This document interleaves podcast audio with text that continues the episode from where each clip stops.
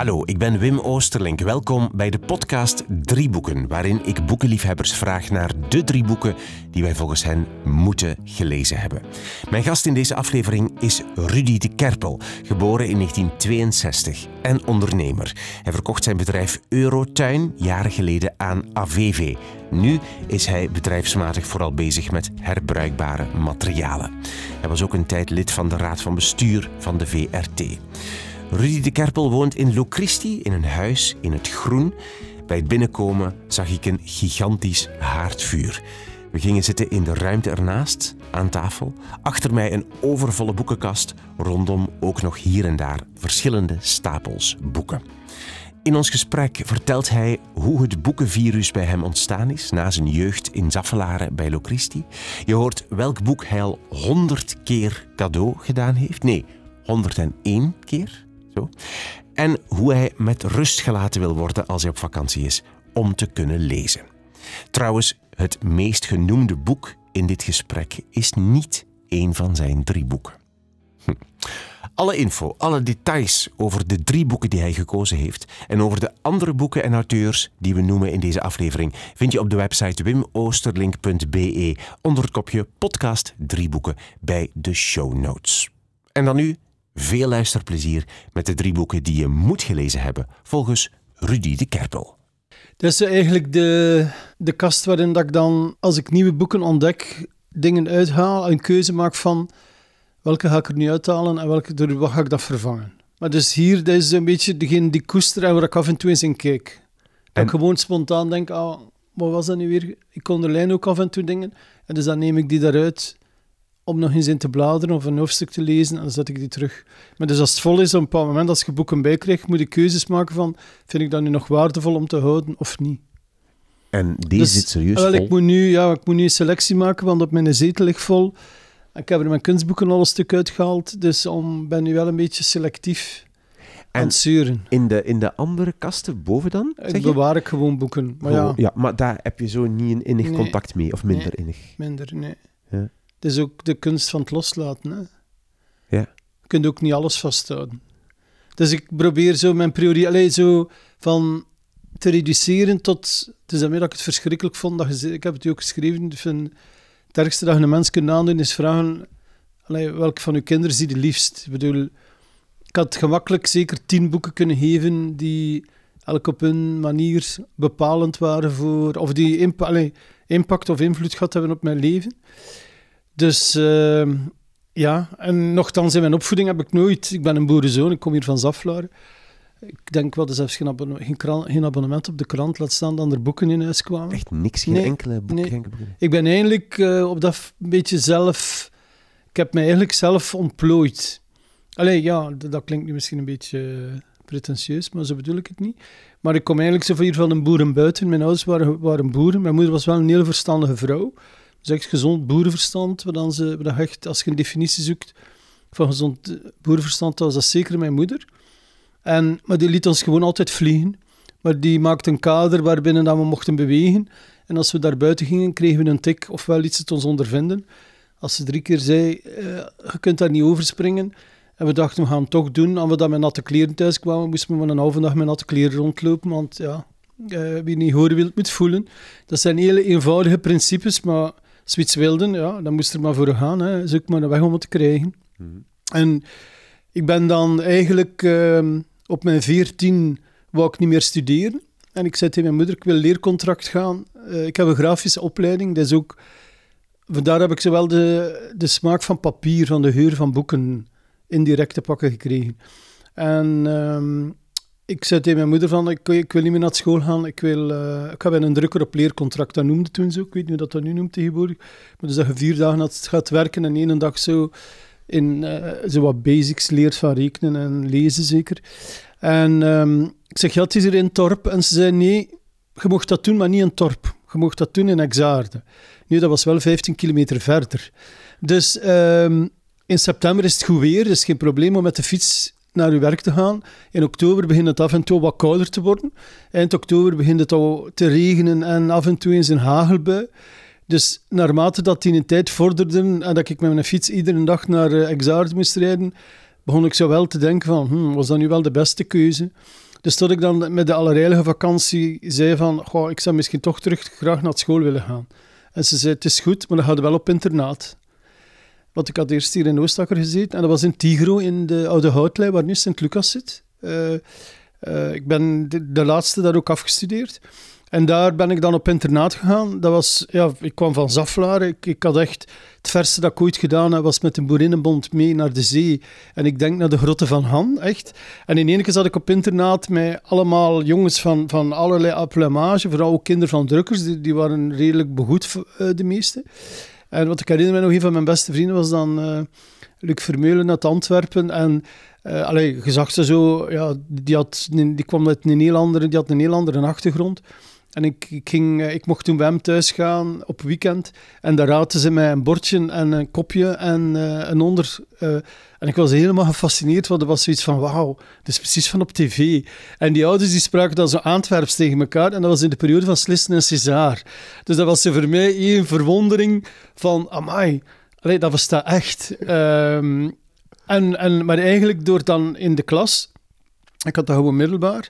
Was er een leraar, uh, Albert Leclerc. En, maar we deden eigenlijk echt een technische opleiding voor... De ene ging voor drukker, ik ging voor... Uh, um, wat ging ik nu weer? Uh, grafische vormgeving was het niet. Het was eigenlijk letterzetten en zo en, en opmaak. En wij moesten ook toen al... We hadden toen een leraar, Albert Leclerc, hij leeft nog. Um, Nederlands en we moesten een moment Multatuli lezen en andere. En we zeiden, maar, ah, waarom moeten wij dat leren? We gaan gewoon aan een drukpers staan en allee, dat is toch tijdverlies. Allee, we deden gewoon, want ja, we hadden gewoon geen, eh, nooit geleerd om te lezen, denk ik. Ook uit een stuk opvoeding. Ik spreek ook van 40 jaar terug, hè. ik ben 58, dus ik moet dat ook alleen in die context zien, 45 jaar bijna. Um, en hij zei, um, je moet dat lezen, je wordt in je leven wat je wilt worden. Als jullie Hans je leven aan een drukpers willen staan, zullen dat zelf bepalen. Maar als jullie ook buiten de drukkerij iets willen doen, uh, niets legt u dat in de weg, behalve tussen je oren. En dat heeft toen echt bij mij een klik. Ik heb dat altijd meegenomen. En ik ben er eigenlijk allee, door de, op internaat te gaan helemaal opengebloeid. Ben ik dan maar nu zit ik al een beetje in mijn professionele, met mijn broer beginnen. Uh, mijn ouders hadden toen, waren toen, zoals de Hans Locristi, overgegaan van een landbouw naar begonia-teelt, naar azalea-teelt. Wij waren ook beginnen kweken uh, met azalea's zelf. En dus op een bepaald moment, maar toen, dat was een, alleen een tijd zonder internet. Dat is nog de gouden gids, stel je voor. Denk dat niemand dat nog kent uh, vanaf een bepaalde leeftijd. Maar dus dat was eigenlijk de handel, er waren hier honderden kwekerijen. Maar eigenlijk was Hans de verkoop georganiseerd door zes, zeven exporteurs, noemde dat. En die waren gewoon vaak vanuit de, van generatie geweest. Die spraken gewoon Frans, Engels of Italiaans. Uh, die hadden het klef om met hun auto tot in uh, Milaan te rijden, of tot in Zweden, of tot in Engeland. Om daar eigenlijk de producten te gaan verhandelen die ze hier lokaal opkochten. Um, maar ja, ik zeg, er was amper, allee, dat was nog in tijd van een telex, hè. dat was nog geen fax. Ik bedoel, uh, gewoon om het beeld maar te schetsen. Maar dus op een bepaald moment was het wat minder met de verkoop. En mijn moeder zei, uh, ik was toen 18, mijn broer was toen 24, luistert, uh, met die exporteurs, we geraken ons spullen niet kwijt, maar je hebt Engels geleerd op school, pak met een auto en ga in Engeland gaan kijken wie dat er azalias koopt. Dus zo gezegd, zo gedaan. Ik had dan via de ambassade en zo wat adressenlijsten, maar dat was eigenlijk ik kende dat ook niet, prospectie, hoe dat je dat in elkaar moest steken. Dat was echt onwaarschijnlijk. Dus wij met een auto naar Engeland. En we hadden, ik had dertien adressen en we hadden een hele week rondgereden. En de vrijdagnamiddag zaten we op uh, de M1, de parking van Londen, als ze zeggen. En uh, ik had nog een dertiende adres en mijn broer zei, oh, we gaan naar huis, het, is, het lukt niet. Ik zeg, nee, we gaan dat dertiende ook nog doen. En dat was het juiste profiel. Dus daarvoor waren het allemaal bloemenwinkels, en, maar dat was echt een importeur. En die man vertelde mij, ben daar toen, we zijn daar toen gestopt... En die man vertelde mij jaren later, is jaren klant gebleven, dat hij eigenlijk niks nodig had, maar dat ik met zoveel vuur daar zat te verkopen en dat hij voelde van, kijk, als ik nu niks bestel, dan breek ik hem. En hij zegt, ik heb gewoon duizend planten besteld, gewoon omdat ik voelde, die importeerden er 30, 40, 50.000, dus dat kwam, dan zegt ik voelde, ik had zo ja, je deed dat met zoveel vuur. En ik kon gewoon, ik heb naar mijn zoon gekeken en gedacht van, oké, het zal op die duizend niet op aankomen. En we zijn super trots naar huis gekomen. En eigenlijk zijn we toen een exportbedrijf beginnen uitbouwen samen, waar we eigenlijk ook de eerste waren die naar Hongkong en Taiwan exporteerden. Dus ik, ging dan... Allee, ik, ik, en dat was dan mijn moeder. Ik zei, ja, ik heb hier een adres uit, uh, uit Hongkong. Eh, maar ik wist niet eens waar dat lag. Eerlijk zeggen, allee, ik ben meneer van spreken. Ik bedoel, ik zeg, ik was toen, toen was ik zo wel al wat in Europa gereisd. En ze zei, ja, maar kijk, we gaan naar uh, Begonia reizen gaan. We gaan nu een ticket kopen naar Hongkong, vliegt een keer naartoe. En, uh, dus ik ben er dan naartoe gegaan en allee, ze hebben dan een hele business opgebouwd. En, zo ben ik, maar, dus, en dan ben ik eigenlijk beginnen uh, de wereld, allee, is de wereld eigenlijk voor mij open gegaan. En door die vele reizen ben ik eigenlijk, heb ik zo ontdekt, ik had dan ook mijn eerste, eerste relatie. En, en allee, die was ook hoogopgeleid, een bankier. En, en allee, die, eigenlijk alle mensen in mijn leven die ik tegenkom en die ertoe doen, hebben mij altijd geprikkeld om iets, om iets nieuw te doen. Of alleen mijn grenzen in mijn leven te verleggen. Dus wat ik niet vanuit mijn opvoeding heb gekregen, maar ik heb ook niks tekort gehad. Ik bedoel, mm -hmm. hè, mensen zo, hè, maar ik heb al, alle ruimte gehad voor mezelf te ontdekken. En waar zijn die... Je, was eigenlijk op weg naar die, naar die boeken, hè? Van, ja, van, ah, wel, waar is dat dan ah, eigenlijk? Wel, dus door Frank, door mijn eerste man eigenlijk, ben ik... Ik heb dan zo... Ik lees dan af en toe wel al een keer iets, maar ben ik eigenlijk beginnen lezen. En door die vele reizen die ik dan deed, had ik ook heel veel tijd. En dat werd ik om duur verslaafd aan boeken. Allee, je moet ook een beetje geluk hebben. Ik weet nu niet meer welke boeken dat ik eerst gelezen heb. Ik denk juist, ja, uh, Pieter Aspe. Uh, dat waren ons vakantieboeken. Maar allee, dat klinkt ridicuul, maar eigenlijk heb je dat nodig om te leren lezen. Want allee, je moet ook soms... Ja, een... een Allee, zeker sommige romans moeten echt... Bijvoorbeeld Een Klein Leven, wat hier al verketterd is, maar ik wil het gewoon als het beste boek ever uh, nomineren. Uh, daar wil ik echt nog een, uh, een Google-campagne voor ondersteunen ook, maar misschien voor later. Um, maar dat is bijvoorbeeld een boek dat je, als je niet, niet leest, allez, als je geen lezer bent, stopt op 100 pagina's, terwijl dat het dan pas echt begint. Ja, dus Pieter Aspe was een soort, een soort opstap voor jou. Ja, en toen, maar op een bepaald moment erkende dat patroon en gezegd, ja, op het einde zal van in het wel weer oplossen. Dus dat was dan goed om je tijd te vullen als je lang op een vliegtuig zit. Dat je zegt van, oké, okay, de eerste vier uur ga ik uh, Aspen lezen en dan begin ik aan iets, als ik zo'n beetje rust gevonden heb. En wat is dan ook vaak, komt uit uw, hectiek. Um, allee, dus je moet dus even uh, klimatiseren. En een keer als je dan... En, en, allee, uh, ja, en, en alle twee mijn ex-relaties waren altijd heel actief op vakantie. De ene ging gaan, gaan wandelen en de andere ging gaan duiken. Dus dat was echt me-time. Dus dat was een ideaal van, ga maar duiken. Ik heb een paar boeken mee. Het is middags eten we samen. Nog een duik, graag, doe maar. En dan s'avonds gaan we wandelen en doen iets. iets. Dus, dus je had, uh, je had, die boeken waren voor jou zo waren echt, echt me-time. Echt een, het is niet dat zij lezers waren. Ja, maar ja, uh, Frank, de, mijn eerste relatie wel die leesde wel, allee, die vond ook wel rust. Die kon zo, kon ook, maar die liet mij dan ook met rust en ik liet hem met rust. Maar ik heb, dan zo, ik heb dat zo met mijn vrienden op vakantie, dat ik zeg, jongens, alsjeblieft, uur in een scooter. Allee, we zien elkaar vanavond. Hè. Bedoel, dat is nu ook de deal altijd als we met mijn vrienden op vakantie gaan. Kijk, we ontbijten s morgens, we spreken vanavond af en daartussen laten we elkaar met rust. Bedoel, ik ben niet kwaad, ik ben niet geïrriteerd, maar laat mij gewoon met rust. Doe wat je goestingen hebt. Als ik zin heb om mee te wandelen aan het strand, ga ik wel mee. En dat ik wil lezen, wil, omdat je soms in een boek kunt geraken. Allee, ik kan dat hebben, ik kan enorm mij verliezen in een goed verhaal. En dan wil ik dat echt niet onderbreken. Allee, dat wil ik bij meneer Van Spreken met een pistolet tot dat, ja, dat wil ik niet meer bewegen, omdat je zo... En dat ik voor mij een klein leven. Dat heeft mij enorm meegezogen. Maar ook het Huis aan de Moskee van mijn drie boeken dat heeft mij... Allez, ik heb er zo verschillende... Het, het ei van Oom Trotter van Mark de Bel. Kinder, fantastisch kinderboek. Ik, en wanneer heb je dat voor het eerst gelezen, weet je nog? Uh, tien jaar geleden. Ik heb Mark de Bel leren kennen, professioneel. We zijn goede vrienden geworden. En, en ik ja, dat, dat was dan zo, voel ik me dan zo'n beetje schuldig van, kunnen nu als 40-jarige nog een kinderboek lezen? Maar dat is zo'n geweldig boek, dat zou echt verplicht moeten worden. Het zou direct gedaan zijn met pesten op school. Dus het ja, dat is echt een fantastisch mooi verhaal. Ik weet niet of je het ooit gelezen hebt, Tij van Oom Trotter, maar echt. En, en, dus ik, ik lees eigenlijk van alles dat ik zo... Allee, ik vind dat ook, ik, ik wil zo niet uh, de... de het literaire wonder uithangen, of de kenner uithangen. Ik, ja, ik vind het goed ik vind het niet goed. En, en ik lees veel recensies en, en ik koop soms ook boeken die mij niet liggen. En ik heb dan een vriendin, een goede vriendin in Brugge, die, die een veellezer is. En dus alles dat dan uiteindelijk niet, uh, ik niet doorga. In principe, ik zou de regel van de eerste 50 bladzijden, moet ik mij in het verhaal vinden of ik stop. Ja. En als, als het je niet aanstaat, gaat het naar de vriendinnenbrug. ik ga, ja, dus de, we zien elkaar om de drie maanden en dan doe ik een stapel boeken mee en ze is altijd zeer gelukkig. Een soort containerpark Ja, voor boeken. ja, maar bijvoorbeeld maar een klein leven heb ik van haar gehad. Het is zeer verrassend. Maar eigenlijk, ik, eh, ondanks het feit dat ik heel veel boeken scout en, en daarin geïnteresseerd ben, zijn eigenlijk de meeste boeken die me echt zelfs impact op mij gehad hebben, die ik gehad heb van vrienden. Zowel Ayn Rand was van, van een hele goede vriend die mij zo, denk ik, 15 jaar geleden nu ongeveer. Of, ja, Dat is een boek dat nog komt dat, is, zit er, dat komt er nog in. Die zei van, hoe kende hij dat niet? Maar Rudy, je moet dat echt, dat, je- jij moet dat echt lezen. Ik heb ze toen alle twee, hij heeft ze mij de dag nadien cadeau gedaan. En ik ben ze dan beginnen lezen en ik had zoiets van, wauw, echt een geweldig verhaal. En qua vrienden zijn het altijd dezelfde vaste die, je zo, die een bron zijn? Nee, nee. nee. dat is echt heel veel ik, mensen. ik steel ook veel zo met mijn oren en mijn ogen als ze dan over iets praten. Zeggen, wat was dat nu weer? En, en, en, eh, maar ik, geef, ik stuur ook heel veel boeken op. Ik denk dat ik eh, een, opsturen? eh, cadeau doen. Dus ik denk hier in Ayn Rand, de eeuw, dat heb ik, ik denk, ik zou eens de statistiek moeten vragen bij bol.com.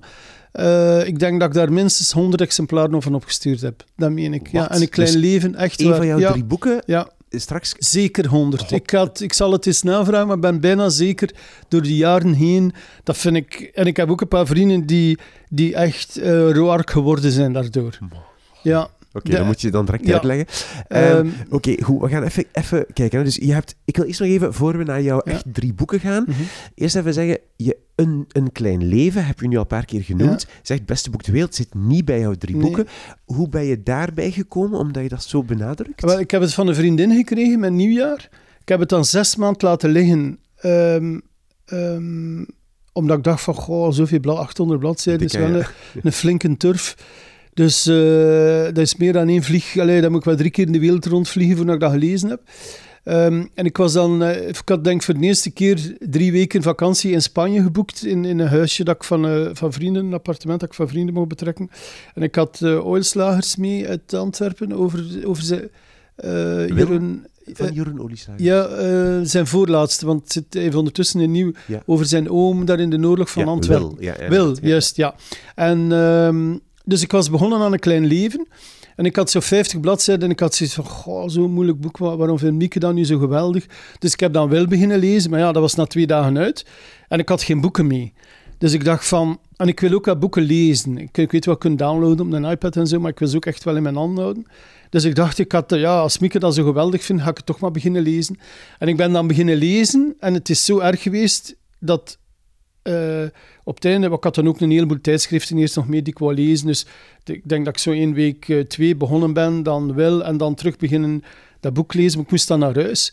En ik ben dan twee weken later teruggegaan om de laatste 300 bladzijden daar te lezen. Ik heb gewoon naar die vrienden gebeld van, maak niet terug.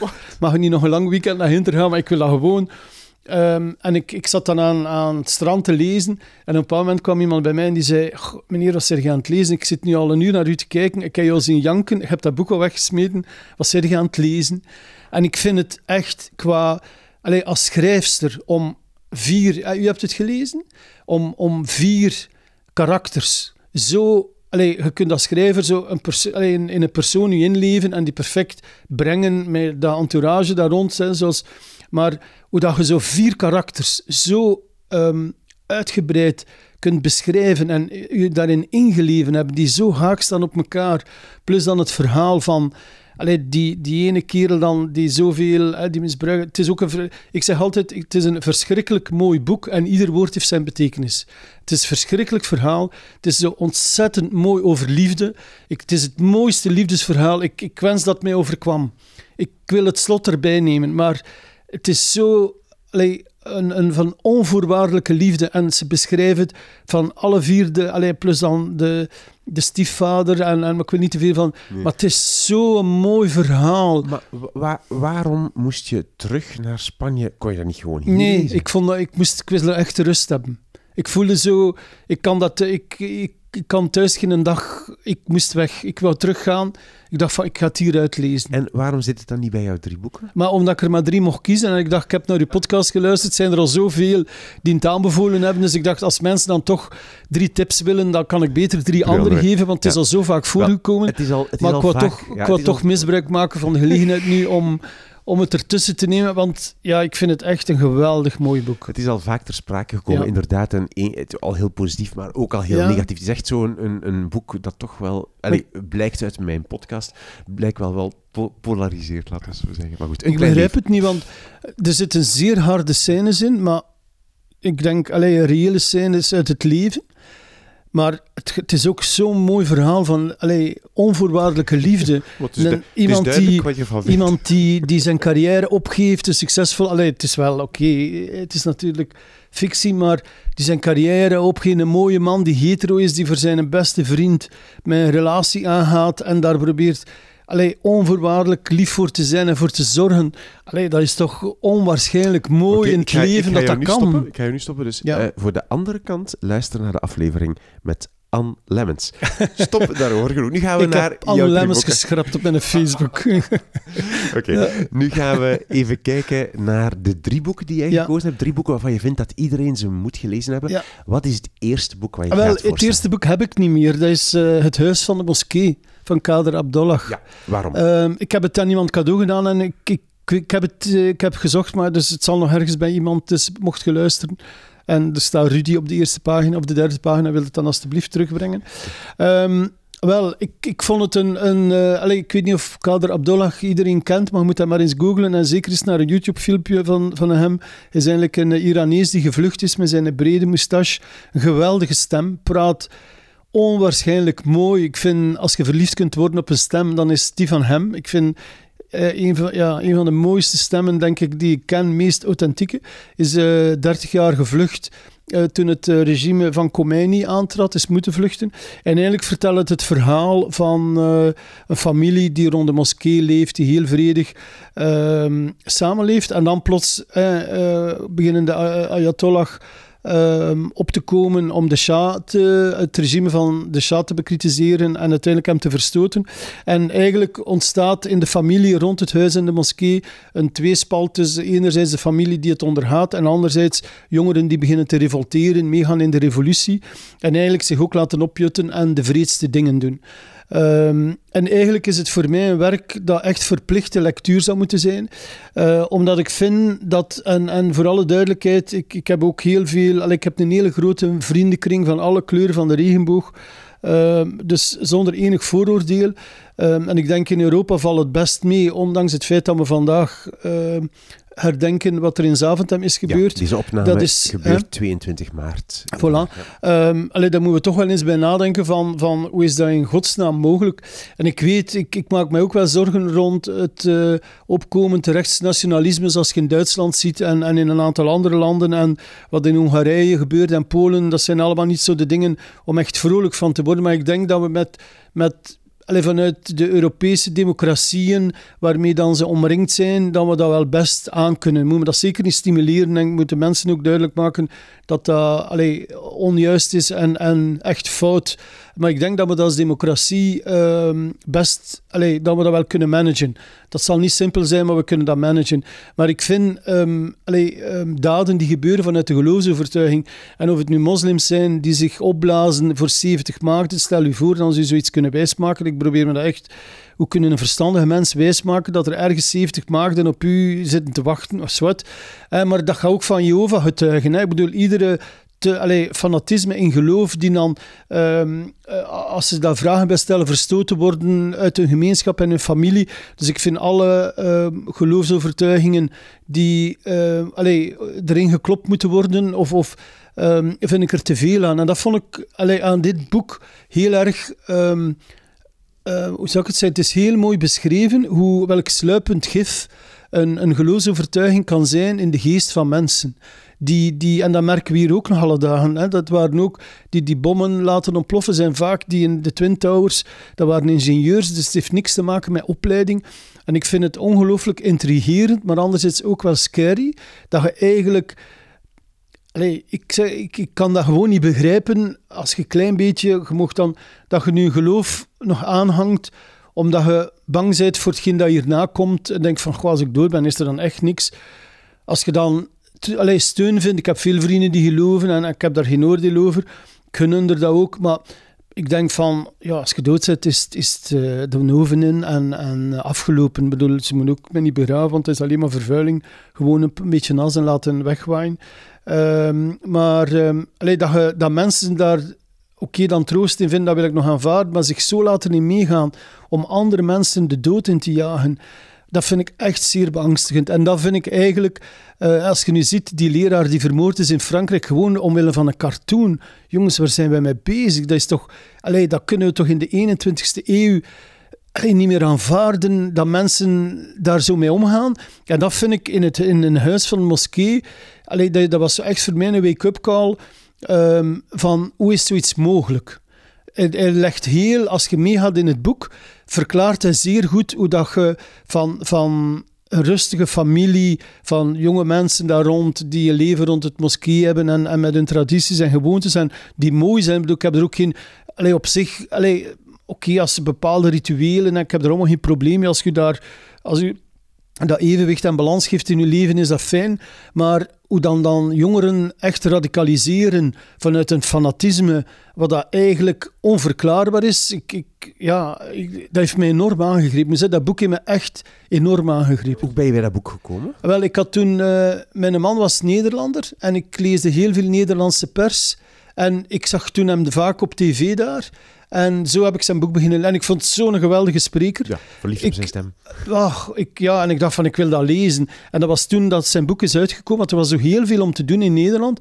Want ik geloof zelfs dat ze er eens 100.000 exemplaren gratis uitgedeeld hebben. Om een stuk sensibilisering van het huis aan de moskee. Uh, ik moet dat eens opzoeken, maar ik dacht wel. En dus ik dacht van, ik wilde, allee, dat wil ik dat wel gelezen hebben. Mhm. Zeg, um, lees jij nog Nederlandstalige uh, literatuur, zoals Kader Abdullah, uh, Vlaams of Nederlands? Erwin Mortier, maar die is ook gepasseerd. Zo mooie zinnen. Ach, ik, ja, zalig kan ik gewoon gelukkig van worden. Soms moet je mij niet vragen van wat was het verhaal, want ik, ik heb het nu gehoord van de burgemeester van Gent. Ik was helemaal vergeten, maar die zinnen... bedoel je? Ja, ja, ja, van Erwin Mortier, maar dus die, die schrijft zo mooie zinnen dat... Oh, daar ben ik zo jaloers op. Hugo Kamps ook, ik zou dat ook zo graag kunnen. Ik zou echt zo graag... Oh, ze mij woorden goochelen... Ja, ik vind alleen mijn zinnen, met, met, met zaken erbij halen die, ja, ik vind dat ongelooflijk. Kan daar echt, ja, dat, kan er blij van worden. En staan er dan nog, nog Vlamingen of Nederlanders in, jou, in jouw boekenkast? Oh, we zullen eens moeten kijken. Hè. Uh, spijt me, Lise Spit, maar ik ben niet door uw eerste boek geraakt. Ik heb twee pogingen gedaan, maar ik vind het een hele toffe madame. Ik heb ze bij Friedel gehoord. Ik vond het een hele toffe madame, maar ik ben er echt niet door geraakt. Dus ja, misschien dat ik ooit eens tweede probeer. Uh, goh ja, Vlamingen. Ik heb nu net uh, Luc Boudens even een nieuw boekje uit. Uh, van vrijdag visdag. Ik ben eraan begonnen dit weekend. Ja, het is helemaal Luc, dus ik ben echt wel benieuwd. Uh, ken je hem? Ken je Luc Ja, ik ken hem persoonlijk. Uh, ik vind het een, een super grappige... Je moet hem maar op Facebook volgen. Het is hilarisch. Ik, dat zijn zo een van uw glimlachmomentjes als je op Facebook zit. Um, hij was zo een van de, van de, zo de, de jonge goden samen met Brusselmans ja. en Lanois in, de, in die tijd. Ja, en ik, ja, ik ben blij dat hij af en toe dan toch eens verrassend met een boek komt. Uh, Harry Mulisch vond ik zeer goed, vind ik, vind, lees ik heel graag. Amelie Nothomb, die komt ook, maar dat is eigenlijk een, een Française. Um, ja. Ja, ja, Goed, oké, laten we... Um, ik wil na... niet te veel name-dropping doen, maar bedoel... We hebben een indruk. Uh, Kader Abdullah met Huis aan de Moskee was het eerste ja. um, uh, boek. Wat is jouw tweede boek? Ayn Rand, uh, Russische... Ja, dat heb je daarnet al genoemd, hè? Ja. Ayn Rand. Ayn Rand, ja. de eeuwige bron, de Fountainhead, is bewerkt geweest door... onze, Neder onze Vlaams-Nederlandse... Je zit er gaan kijken? Nee, uh, hij heeft ook... Huh? heeft ook... Uh, Wat ze nu Allee, Van Hoof, Ivo van Hoof, ah, ja, heeft de Fountainhead ook gebracht in de single. Vier uur, was als een vingerknip voorbij. Schitterende, um, schitterende bewerking. Je verwijst, wij hebben... Um, wacht ze. Ik, ik heb gehoord dat u naar ja, een klein leven. Een klein leven We hebben het toch weer over, over, een klein nee. leven. Dat was niet de bedoeling. Dus een klein leven. Ik ben naar het theaterstuk in Amsterdam geweest. Ja. Um, omdat Lisbeth Imbo mij dat aangeraden ja. had. En Lisbeth Imbo is geweest omdat, omdat jij haar aangeraden ja, had. klopt. Ja. En zo hij gaat al Ja. oneindig door. Maar Geweldig. goed, zwart. Dus die Ivo van Hoven heeft ook Fountainhead bewerkt, Ja, zeg je. Ja, Daarvoor. En twee keer in de single gebracht en twee keer onmiddellijk uitverkocht. En de Fountainhead is eigenlijk voor mij, eigenlijk is dat mijn bijbel. En Ayn Rand heeft twee schitterende boeken. De Fountainhead, wat een beetje mijn bijbel is, is eigenlijk mijn, mijn levenskompas. Om heel, dat meen ik, eh, samen met eh, de acteur in Een Klein Leven, eh, zijn liefde, zijn onvoorwaardelijke liefde, zijn dat de twee figuren waar ik echt eh, onmiddellijk zou willen mee trouwen. En eh, als, ik dan, als er dan toch een God bestaat die het eeuwige leven biedt, dan wil ik daarvoor kiezen. Ga ik onmiddellijk naar die religie om met die twee verder mijn eeuwig leven te slijten. Dat zijn grote maar dat woorden. terzijde, ja, ik weet het. Maar een, eh, De kracht van Atlantis, dat wil ik toch even aanstippen. Dat is het andere boek van Ayn Dat is het andere boek en dat wil ik gewoon maar even meegeven. Als je wil begrijpen wat met Europa nu aan de hand is en hoe dat het uit de hand gaat lopen, moet je dat boek lezen. Want het is eigenlijk een, eh, een blauwdruk van wat ons te wachten staat. De manier waarop dat we nu bezig zijn met onze Europese samenleving te organiseren. Ik wil er een, volgende keer dieper op ingaan, maar het is een geweldig boek over in de jaren 50 en 40, 50 en ehm, impact van politiek op bedrijfsleven enzovoort enzovoort. Het is, het is een, ook een geweldig mooi boek, maar eh, het is meer politiek. Ik, dat vind ik meer haar politiek testament. Maar dit vind ik, eh, de eeuwige bron, is eigenlijk eh, twee jeugdvrienden, twee vrienden op school, die op het, de ene jongen zit op kot bij de andere bij zijn, bij zijn mama thuis, die, die weduwe is. Dus ze nemen een student in huis, die twee worden bevriend, leren architectuur. Ehm, en eh Roark Empowerment revolteert. Dat- Roark is is de hoofdrolspeler, revolteert op eh, de universiteit, op, op de opleiding. En de leraar zei tegen hem, je bent onhandelbaar gemaakt, gevolgd gewoon het stramini van ontwerpen zoals wij dat u voorstellen met zuilen en, eh en krulletjes en ditjes. En, en hij, heeft- hij ontwikkelt zijn eigen stijl. En eigenlijk is de rode draad door het boek dat hij gewoon zijn eigen pad volgt en, en zijn eigen ontwerpen volgt. Dat op een bepaald moment eh, ja, eigenlijk geen opdrachten heeft en toch een mega grote opdracht krijgt voor een bank. Maar de bankier zegt, ja, ik heb het door de raad van bestuur gekregen, maar je zou het misschien, we zouden toch graag hebben dat je die twee zuilen, dat je daar wat meer... f- en hij zegt, nee, ik doe dat niet. En zegt, ja, maar als je dan de opdracht niet krijgt, dan doe ik het niet. En, dus, en eigenlijk is dat voor mij, eh, er komt dan natuurlijk ook een vrouw bij kijken, zoals in altijd dat soort, eh, als er een drama, eh, moet er, moesten er een vrouw bij sleuren. Sorry dames.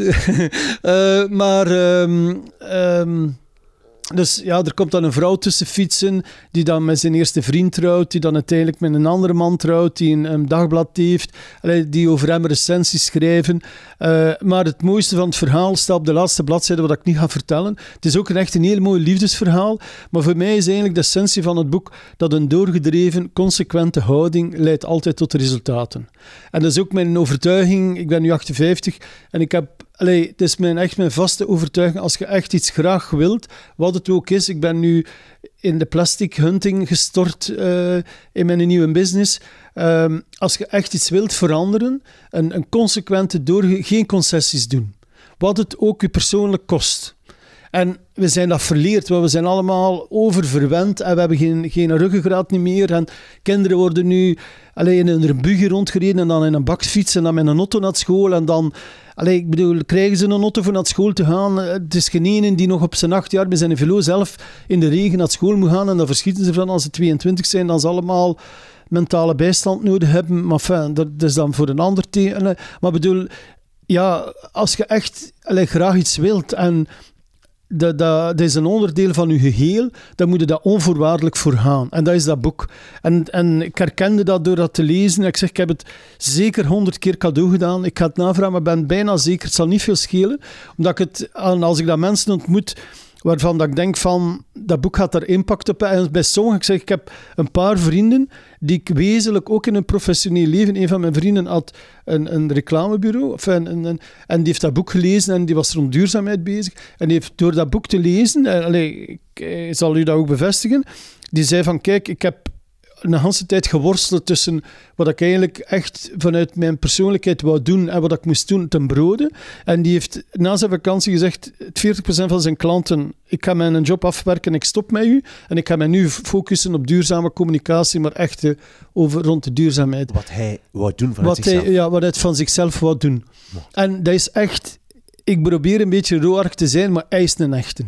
Dus ik vind dat, ja... En dus, hoe heb, je, heb, je, heb jij dat zelf... Je zegt dat je nu in de plastic hunting Mhm. business aan het proberen bent, maar heb je dat ook al gedaan? Heb je een voorbeeld uit je eigen carrière of leven waarin je dat gedaan hebt? Ik heb mijn mandaat in de VRT opgegeven omdat ik daar ehm, een integriteitsinbreuk had begaan. Eh, Dat was dan zelfs nog niet eens eh, eh, ik bedoel, eh, een echt groot gewin. Maar ik had eh, met mijn vorig bedrijf een aantal boeketten gesponsord op de warmste week.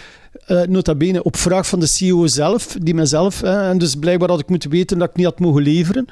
Eh, ik lever nu dat in België kom, in de, in de Proximus, in de raad van bestuur, iemand komt die samenwerkt met Proximus in Brussel. Ik dacht van, mij, die integriteitsregels verschillen dan toch ook van bedrijf tot bedrijf, maar dat terzijde.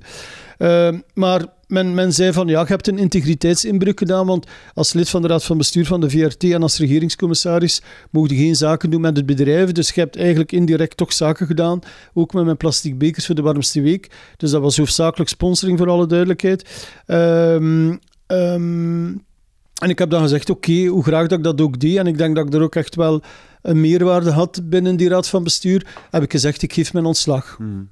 Omdat ik ook vond, ik spreek ook mensen aan op hun verantwoordelijkheid. Um, en dan moet, als je daar rechtlijnig, moet ook rechtlijnig voor jezelf zijn.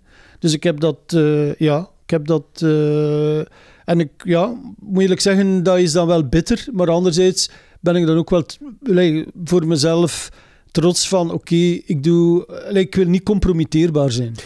En omdat je zegt van, dit is mijn bijbel, hè, dit is, heb je gezegd, dit is mijn Ja. bijbel voor, voor mijn leven. Vind je dat je het voldoende doet? Dat je dit voor jezelf voldoende volgt dan, de bijbel? Ja.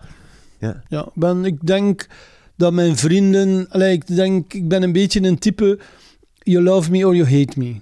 Je hebt het voor mij of je hebt het niet voor mij. En ik heb nog duizend weken te leven.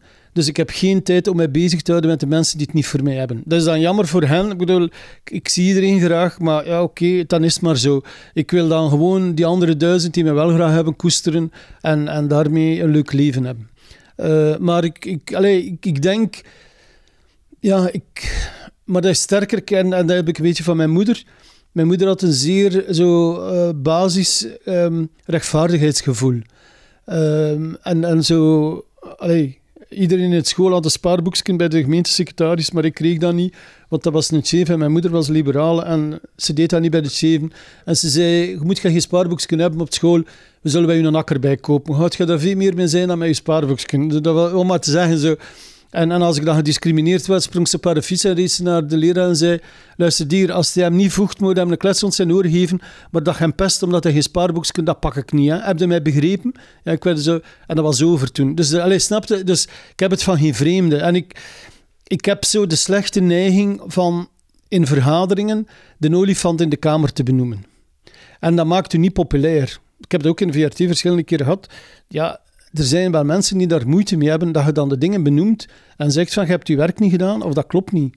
Ook in andere, ik zit ook in andere raden van bestuur en allez, tot nu toe mag ik altijd blijven en die zijn, dat klikt zeer goed, maar ik kan, allez, ik kan er zo niet tegen, ja, ik, wil, ik kan niet tegen onrecht. Maar zijn er situaties waarin je bijvoorbeeld ziet dat een, een CEO of zo zijn werk eigenlijk niet goed doet en dat jij dat Ja. dan zegt Gewoon terwijl niemand zegt. anders het zegt? Ja, en ik heb dan helaas niet altijd eh, de gave van het woord van een advocaat dat ik het verbloemd zeg.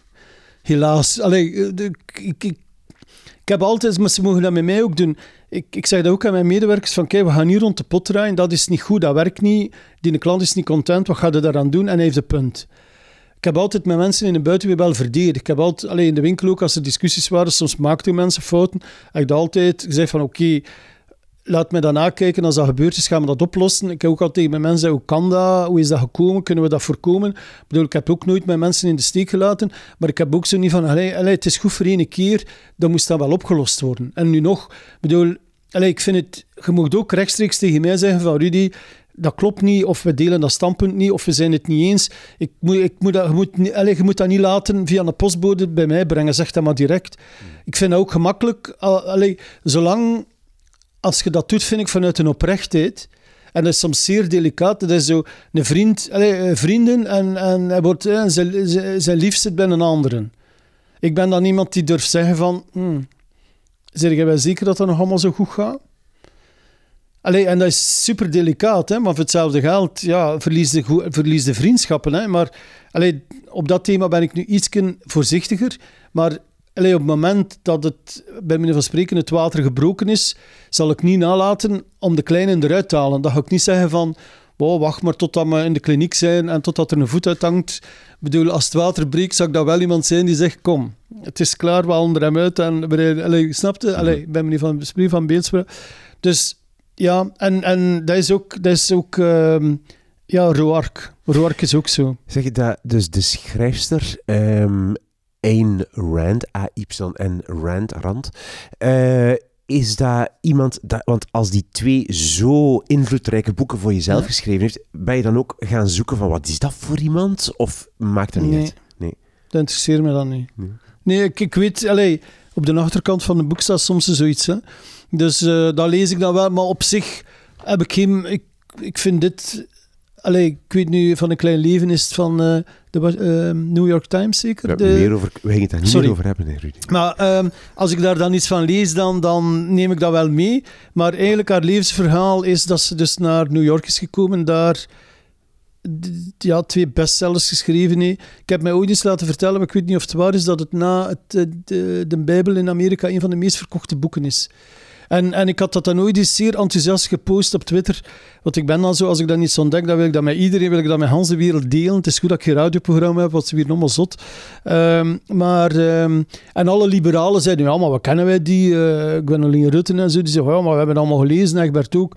Dus, alle, dus het, het schijnt eigenlijk wel een beetje een, een, in, in liberale middens een zeer eh, hoog aangeschreven boek te zijn. Dus voilà. Goed, The Fountainhead Ja. van Ayn Rand. Wat is jouw derde boek? Angst en beven van Amélie Nothomb. Eh, ik vind haar... Je moet, je moet haar... eh, ze heeft een zeer aparte schri- schrijfstijl. Het, het is soms een beetje cynisch, soms heel erg humoristisch. En ik heb ze allemaal gelezen, staan er allemaal op een rij. Ik weet niet waarom dat ik daar eigenlijk... Maar als er een werkje van... Als ik het zie liggen dat ik nog niet gelezen heb, dan koop ik het onmiddellijk. En het leest ook heel erg snel. Maar ik moet zeggen, Angst en beven heeft mij enorm ehm, aangesproken. Omdat ik... Ik heb het gelezen toen ik de eerste keer naar Japan vloog. En ik vind het altijd interessant om zoiets te lezen. Ehm eh, André Leijzen heeft ook ooit zo eens een boekje geschreven over een Oostblokland, maar ik ben nu vergeten welk land dat was. En ik heb dat toen ook gelezen dat ik daar naartoe ging, Roemenië, denk ik, ja. En ehm, over hoe dat, dat eraan toe gaat. Maar van, eh, ja, je, vertrekt vanuit Locristi, vanuit u, waar je woont, en eh, ja, je kijkt, allez, vanuit Tienen, invalshoek, kijkt je naar de wereld. Ehm, en ik had dat gelezen en ik dacht van, allee, dat is nu toch een beetje overdreven, eh, zo dat hiërarchisch denken en, en eh, die cultuur in... in eh, ik had er dan wel allee, al wat, wat zaken over gelezen en zo, maar ik was er nog nooit geweest. En toen dat ik daar kwam, vond ik dat zo confronterend met wat ik eigenlijk een paar uur daarvoor gelezen had. De omgang met mensen en, en ik zeg de hiërarchie. Ehm, ja, en, het klopte. Ja, het het, overeen. ongelooflijk. Ja. En is dit een, een Want roman? ik weet niet of je het nog kunt krijgen. Nee, het, ehm, het is een, denk ik een semi... eh, levensverhaal van haar. Dus ze vertelt dat ze op een bedrijf gaat werken, en, maar zij benadert dat eigenlijk Amélie Nothomb is de dochter van eh, de... We hebben nooit eens de minister Nothomb gehad, Ferdinand Nothomb, zijn broer. Eh, dat was de adellijke families die dan... De ene werk in de politiek en de andere gingen in de diplomatie. En haar, dus haar oom was dan onze minister uit Luxemburg. En eh, zij is eigenlijk mee opgegroeid in de landen waar haar vader... En ik denk dat een van... Dat heb ik dan wel eens gelezen. een van de langste ambassadeurs toen in Japan is geweest. En eh, dus zij is daar opgevoed.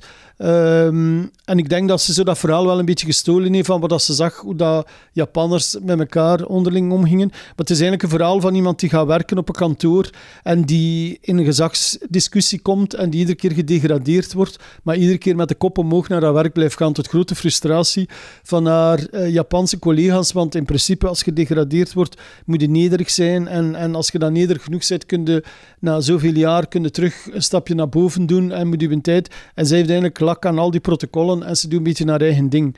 Eh, en het eindigt ook vrij grappig, maar ik ga het niet, ver- niet vertellen, maar het eindigt eigenlijk super grappig in haar voordeel. Ja, ja. Maar dus, het gaat dus echt over die hiërarchie, als Ja. ik het goed begrijp. Ja, maar ja, uh, het, is, allee, het, is, heeft de functie op kantoor. Maar ik had niet te veel, want als ik het vertel, ga ik een beetje de rode draad. Want dat vind ik altijd soms moeilijk met een boek. Als je het nooit gaat lezen, wil ik het wel vertellen. Maar het is eigenlijk een heel tof verhaal. En ik zou zeker, als je naar Japan gaat, lees het op het vliegtuig. Het is uh, niet zoveel, onder 27 bladzijden. Dus als je een tussenvlucht neemt in uh, Dubai, is het al uit. Of lees het dan van Dubai naar Hinter. Uh, maar ehm, ik vond het een geweldig leuk verhaal. Ja. Dit is een soort, dit gaat over ja, hiërarchie, bedrijf. Mhm. Lees je soms managementboeken of heb je ooit managementboeken? Ik lees dat niet graag. Ik, ik weet niet, ik heb veel vrienden ja, die, die zo verslingerd zijn, die kasten vol hebben met managementboeken. Ik heb nu een, een nieuwe CEO in, in mijn bedrijf en dat is wel tof. Um, die is 33 jaar, echt. Allez, ik ben super blij ik heb ze echt een beetje aan het zoeken geweest eh, en, en is mee ouder worden, weet je vooral wat je niet wilt. Soms weet je niet wat je wel wilt, maar je weet zeker wat je niet wilt. En wat je wel wilt, dat ontdekte dat soms wel. En ik had ze een beetje aan het zoeken en, en ik had dan, uh, want ik kende die man eigenlijk al een jaar. En, en op een bepaald moment zei hij, ja, ja, wat is allemaal bij u en dat en dat werkt niet en dat werkt niet. Ik zeg, weet je wat, als je het zo goed weet, kom het doen. Hè. Zei, wat is goed, ik het komen doen. En we hebben dan even een zakelijke afspraak gemaakt en, en, en die is er nu. En, en eigenlijk op, op denk de eerste dag, uh, de, de werkdag, had hij drie boeken mee. En ik was zo blij. En ik zei, wauw, Pascal. En ik heb hem dan ook drie boeken meegedaan. Dus en we wisselen nu boeken uit met elkaar. Maar ik moet hem nu wel even zeggen dat die frequentie kan ik niet volgen die hij mij heeft. Maar je had er maar, drie mee om aan jou ja, cadeau te doen. Ja, ja. ja en een, een daarvan was uh, de man die zijn Ferrari verkocht om monnik te worden. Maar ik, ik kende de rode draad, want ik had zo al verhaal eens gelezen, dus ik, ik herkende zo wel een beetje de rode draad. Maar ik vind dat zegt wel veel van mensen. Je voelde je betrokken bij hem, omdat hij het over boeken had met jou, zo? Ja, maar ook... Allee, boeken is ook communiceren, hè. Ik vind... Allee, je kunt met mensen onder vrienden, je kunt communiceren door bijvoorbeeld graag te gaan eten samen, graag een goed glas wijn te drinken, elkaar te knuffelen als het u lief is, met goede seks. Maar met vrienden kun je ook boeken, allee, dat kan ook verbindend werken. Zelfs dat je elkaar dingen laat ontdekken. Ehm, en dat vond ik wel tof van een burgemeester van Gent. Ik had gereageerd op de podcast bij u. En ik had hem uh, gezegd van, wat ik van, van, heb je dat gelezen? En zei, het is heel lang geleden. Ik moet dat misschien nog eens opdoeken, opzoeken. En ik heb mij nu voor mezelf afgesproken dat ik zijn boeken ook ga lezen. Want ik, ik ben ook in Auschwitz geweest, dus ik begrijp ook zijn zorg wel. Maar dus dat vind ik wel tof, dat je met boeken kunt ook wel allez, mensen leren kennen. En mensen ontdekken. En dat vind ik wel tof daaraan. En dat vond ik nu zo tof, want ik had dat eigenlijk totaal van hem niet verwacht, omdat het is, is een dertiger, hij komt uit de evenementensector. Dus ik dacht dat hij alle, alle DJ's en alle van eh, Ibiza tot uh, god weet waar kende. En het verraste me echt ook dat hij gewoon veel leesde. Dus vond dat wel superleuk. Uh, ja, hij had al direct een streepje voor. Ik dacht ze van, wauw, tof. Uh, dus ik vind boeken heeft ook wel iets verbindend. Uh, en ik zeg, ik doe er heel veel cadeau. Ik doe zeker uh, eh, 50 boeken per jaar cadeau, minstens. Ja. En ook zo, als ik iemand, een jonge schrijver of zo, zal ik zeggen van oké, ik koop er 20 en ik stuur ze rond. Men, uh, die zullen er wel zijn nu die luisteren, die zijn van oh nee, daar is hij weer met een boek. Uh, ja, ik, ik, ik, zie dat dan als sponsoring. Ik zeg oké, je mocht er 20 opsturen. En, uh, ik, en ik, hoe kom je dan bij die, bij die jonge schrijver? Is iemand die je dan kent? Of dat je op, ik spreek die soms aan. Gewoon mensen die jou niet kennen en die jij aanspreekt, zegt van ja, geef mij eens 20. Ja. Omdat je het goed vindt. Omdat ik het goed vind, ja. Of ik zo een eerste boek dat ik denk dat is een debutant, dat ik een berichtje stuur via Twitter of Facebook van ah, ik heb je verhaal gelezen, ik vind dat wel boeiend en ik wil het dan wel eerst gelezen en als ik het goed vind, zeg ik van stuur er maar 10 op of 20 op. En meestal leveren ze die dan zelf graag, wat ze hebben die dan gekregen van de uitgeverij. Dan hebben ze zelf wat centjes in plaats van... Maar ik, ik, wat ik zei, er is bol.com, maar ik bestel daar zelden. Eigenlijk gebruik ik altijd de linken van bol.com om de titel te saven. En dat stuur ik naar mijn lokale standaardboekhandel. En dan zeg ik tegen hem, Steven, zou eens drie boeken van, dit, van deze titel willen voor mij bewaren? En ik ga die dan gaan halen. Ik, uh, mijn middenstandshart is wat dat betreft nog altijd... Uh, ja, woon ik nog altijd in Locristi. En, die, en kan je een voorbeeld geven van zo'n jonge schrijver bij wie dat je dat ooit gedaan hebt? Well, Luc Boudens uh, ga ik nu kopen. Dus je hebt er nu 20... Uh, ik zou in mijn boekenkast moeten kijken. Wat ik, uh, het is, ja, dus daar ga ik er nu 20 voor ons sturen naar iedereen die ik weet. Lisbeth zal er ook wel bij zijn. Dus Lisbeth, houdt die brievenbus in de gaten. Uh, van wie heb ik dat nog gedaan? goh, overval mij nu een beetje met de vraag. Eh, Louis Ide, de arts die twee boekjes geschreven heeft. Heel leuk. Eh, moet je misschien ook eens gaan interviewen. Super boeiende kerel. Is een eh, microbioloog, denk ik. Ik hoop dat ik nu niks verkeerd zeg. Hij heeft twee hele grappige boekjes geschreven. eh, tussen al de hectiek van zijn leven door, zeker nu met COVID. Eh, dus daar heb ik er duchtig van rondgestuurd. Ehm, van Bart Haak van de Tijd heb ik... Maar ja, ik, ik weet nu niet eigenlijk of ik, dat, of ik die mensen dan nu niet meer compromitteer. Met, Dat denk ik niet. want dat klinkt zo al- alsof... Maar ik vind dat gewoon tof. Hij heeft zo'n boek met zo'n zo, soort eco- economics. Juist. eh, zo, Van Geert Noels. Geert heb ik eh, zijn boek eh, rondgestuurd. Enfin, dat zijn er Amai, nu een paar van zoveel, ja. Ja, maar ik vind dat... Ik, ik, vind, ik, zou, ik vind ieder initiatief moet aangemoedigd worden. Ik vind dat zo tof als jonge mensen ook al... Ja, ik, ik heb ook al de slechtste kroketten gegeten, omdat toch iemand een restaurant wou beginnen. En ik dacht van, allee, ja, je is de 10.000 uren regel. Als je, het- als je zo'n paar hebt, let ik die, die het ondergaan, ga je misschien toch goede leren maken en gaat overleven. En zo niet, heb je dan toch je goesting gedaan. Ik vind dat ook belangrijk. Je moet gewoon, soms kun je goesting doen en loopt dat mis, dan is dat zo. Moet je wel de consequent, dan moet je consequent niet op de samenleving afwentelen. Als je, dat is ook raar. Ik bedoel, je moet doen waar je goesting hebt, maar dat moet niet als je klop krijgt. Allee, ik ben zo eens met eh, een vriendje, en dus dat, eh, kwamen van knokken van een feest, van een diner, en we liepen naar onze auto in de garage en we passeerden zo groepen gasten. eh, en die zeggen, nou, sal PD. En eh, ik ben daarna teruggegaan. Ik zeg, wat zeg jij daar juist?